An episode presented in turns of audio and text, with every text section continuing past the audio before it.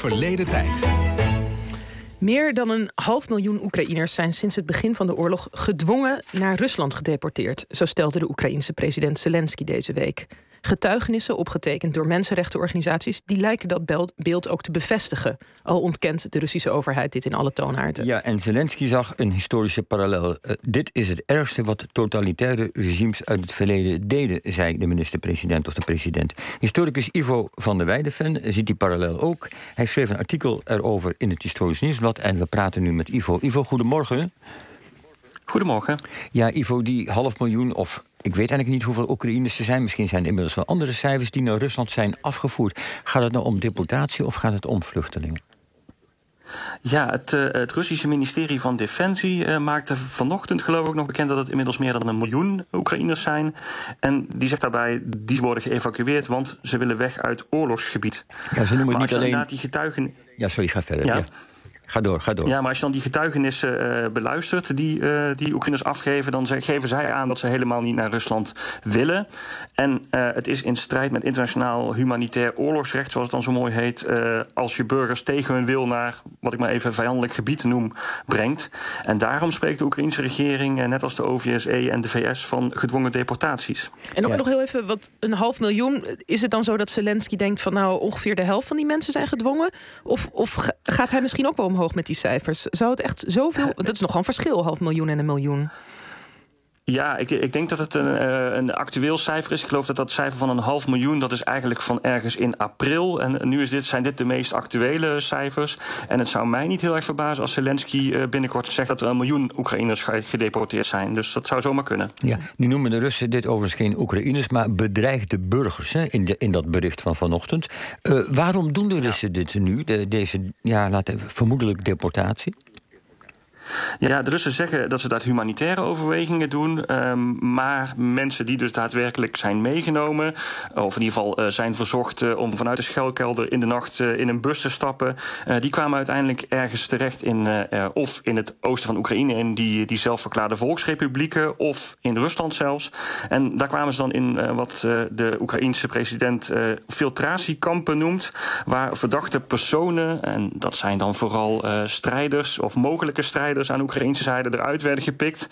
En Zelensky zegt er dan bij, en die werden vermoord. Maar daar zijn, ja, dat kun je heel moeilijk uh, bewijzen. En de rest, uh, die werd dan uiteindelijk naar Rusland gebracht. En daar um, kwam daar of, daar zijn verhalen van, in uh, kampen in bossen terecht... waar ze propagandafilms moesten kijken. Dat zijn dan voornamelijk verhalen van jonge mannen. Of ze werden ergens in steden tot aan Vladivostok aan toe... ja, simpelweg gedumpt.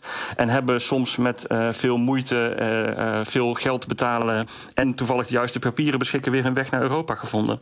Ja. En ja, de de, de, de Oekraïnse media, daar wordt ook wel in gesuggereerd dat uh, die Russen dit niet om humanitaire redenen doen, maar dat ze burgers expres uh, wegjagen, uh, terroriseren, bijvoorbeeld met beschietingen op dorpen, zoals vanochtend ook weer in het, in het nieuws was.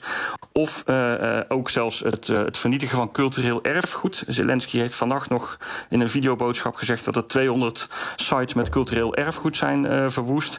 En nou ja, dan jaag je dus de Oekraïners weg en dan zou je ze kunnen vervangen door etnische Russen. En dat is een strategie die dan niet zonder uh, ja, voorbeeld is in de geschiedenis. Precies, want nou ja, Zelensky ziet een historische parallel. Jij zag die ook. Vertel, wat, waar lijkt dit dan op? Ja, dit lijkt heel erg op wat uh, aan het einde van de Tweede Wereldoorlog op 18 mei 1944 uh, gebeurde. Uh, toen werd een specifieke groep, de Krim-Tartaren, die werden van de Krim echt allemaal in veewagons gestopt en naar uithoeken van Rusland, met name Oezbekistan, gestuurd, omdat Stalin hen onbetrouwbaar achtte, beschuldigde van massale collaboratie en ja, afvoerde naar plekken elders in Rusland. Ja, en uh, collaboratie, want uh, hij zag ze als een soort... Zij stond aan de verkeerde kant, aan de kant van de nazi's?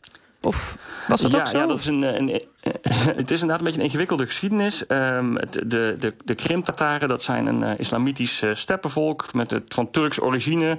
En die hebben al honderden jaren een, een, een moeizame relatie. Maar ja, ik zou zeggen, lees vooral daar het, het artikel op de website van Historisch Nieuws wat over. En de Russen die zagen hen eigenlijk een beetje als barbaarse bandieten.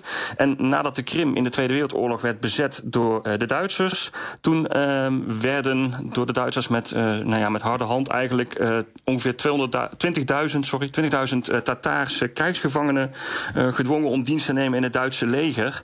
En ja, dat verraad van de Tataren, dat was zeg maar wat leidde tot, tot de deportatie van de gehele bevolking. Um, die uh, verraders die waren eigenlijk al met de, de, de, Duitsers vertrokken toen die zich terugtrokken vanaf de Krim. Maar uh, ja, de Tataren hadden het in zijn algemeenheid verbruikt uh, bij, het Stalin, bij Stalin en dus werden ze gedeporteerd. Ja, en, en gedeporteerd waar naartoe en wat is dan hun lot daar? Ja, dat ongeveer, waren ongeveer 200.000 Tataren leefden op de Krim. En um, die werden dus, zoals ik al zei, in, uh, in veewagons uh, gepropt. Echt onder erbarmelijke omstandigheden. Met beelden die heel erg bekend voorkomen uh, uit de Holocaust. En um, ja, ze kregen geen eten, heel weinig water. Um, er waren weinig sanitaire voorzieningen. Een gat in de bodem van de wagon gezaagd. En dat was dan een treinreis van twee weken. Helemaal van het mediterrane klimaat van de Krim naar het gorddroge Oezbekistan. En daar werden ze vervolgens in speciale kolonies kolonistenkampen, zoals het heette, eh, eh, vastgehouden. En moesten ze werk doen in eh, fabrieken en op de Oekraïnse of de Oezbeekse katoenplantages. Ja, en is dit dan ik bedoel, ik kan me voorstellen dat dit een, een groot historisch trauma is voor Oekraïne ook. Is dit iets wat, waar elke Oekraïner die, die weet precies waar Zelensky ook naar verwijst als hij dit zegt? Ja, ja, zeker weten. Um, sowieso voor de Krim. Tataren zelf is natuurlijk een enorm uh, trauma geweest. Zij zijn pas veel later weer teruggekeerd naar de Krim. Uh, maar inderdaad, uh, in 2015 heeft eh, Oekraïne, de Oekraïnse regering, de deportaties erkend als een genocide. Die 18 mei uitgeroepen tot een officiële herdenkingsdag. En ik weet niet of je nog kan herinneren van een paar jaar geleden. In 2016 won Oekraïne het Songfestival met het lied 1944. En dat was gebaseerd op de ervaringen van de overgrootmoeder van van de zangeres tijdens die deportaties naar uh, Oezbekistan. Ja, en wat gebeurt er dan eigenlijk trouwens nog even als die komen die Tataren ooit weer terug? Of? Ja, ja, ja ze, um, zeg maar, er waren een aantal uh, ja, verraderlijke volken, uh, onbetrouwbaar geacht uit in grensgebieden, vooral van de Sovjet-Unie. Die werden allemaal uh, gedeporteerd. In 1956 kwam Khrushchev, Stalins opvolger, met zijn destalinisatiepolitiek. Hij vond dat Stalin allemaal verkeerde keuzes had gemaakt. Andere volkeren mochten terug naar huis. De Krim-Tataren die mochten alleen uit hun kampen en gewoon in Oezbekistan gaan wonen. Maar die mochten niet terug naar de Krim, want de Krim, ja, daar waren intussen allemaal etnische Russen komen wonen. Dat was trouwens een beleid wat het Tsar al in hadden gezet vanaf 1783... Eh, toen Katrina de Grote de, de, de Krim annexeerde. Maar um, de Krim was een, eh, een Sovjet-vakantieparadijs geworden. En die Tataren die waren maar lastig. En die mochten pas echt vanaf 1989 weer terug naar huis. En dat deden ze toen ook in lange kolonnes van Lada's... vanuit Oezbekistan terug naar de Krim... waar ze niet bepaald met open armen werden ontvangen trouwens. Ja, want dat is natuurlijk interessant, want zij heel, ze komen terug... zijn een heel lang weg geweest, niet met open armen ontvangen. Wat betekent het dan? Geen huis, geen woning, geen plek? Of hoe, hoe zit dat? Hoe werd er naar ze gekeken? Ja, dat betekent het. Zeg maar, in 1944 werden ze echt, uh, kregen ze een kwartier de tijd om uh, hun spullen te pakken en vertrokken. Dus uh, nadat de Tataren waren verdwenen kwamen daar etnische Russen voor terug. Die kregen huizen, inclusief huisraad cadeau. En toen de uh, Tataren eenmaal terugkwamen vanaf 1989... en vooral begin jaren 90, toen uh, Oekraïne onafhankelijk werd... Ja, toen uh, ontstonden er hele ja, krakersdorpen naast de dorpen waar Russen woonden. En ehm, dat, was, dat leidde echt tot spanningen. En die spanningen heeft, moet ik dan wel toegeven... de Oekraïnse regering vervolgens handig gebruikt... om Russische separatisten hak te zetten... door die Krim-Tataren te steunen en ze een autonome republiek te geven samen met die etnische Russen. Want de Krim-Tataren wilden wel heel graag bij Oekraïne blijven, terwijl de etnische Russen liefst uh, bij uh, Rusland ook al in de jaren negentig wilden blijven. Ja, en um, dit, dit, uh, ja, deze hele geschiedenis indachtig. Um, Zelensky die zegt nu ook van, nou ja, hij ziet die historische parallel. Zou hij dan ook verwachten dat Poetin nu eenzelfde soort actie eigenlijk wil uithalen met deze Tatar, uh, met deze, met, Tatar, deze met deze Oekraïners? Sorry. Ja. Of... ja, ja, nee, dat is inderdaad wat hij, uh, wat hij beweert. Of het daadwerkelijk zo gaat, dat is nog onduidelijk. Kijk, um, Oekraïnse uh, autoriteiten en bronnen die zeggen van die Oekraïners die worden vervoerd naar Rusland, die mogen niet meer terug of die mogen daar niet meer weg. Um, ja, er zijn inderdaad dus verhalen van mensen die daar in opvoedingskampen zitten. Maar er zijn ook heel veel verhalen van Oekraïners die toch weer uh, ja, uit Rusland weg zijn. Maar in de praktijk, als hun thuis straks bezet is, als uh, dat bezet gebied is en je kunt daar niet naartoe, ja, dan kunnen ze mogelijk niet meer terug. En ja, dan heeft Poetin natuurlijk in de praktijk hetzelfde bereikt als wat Stalin in 1944 met de Krim-Tataren heeft bereikt.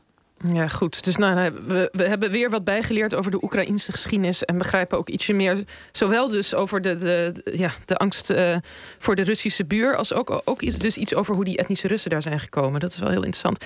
Uh, ik wil je bedanken, Ivo ja. van der Weijden. En voor wie nog meer wil weten, het artikel van Ivo hierover is ook te lezen op de website van Historisch Nieuwsblad.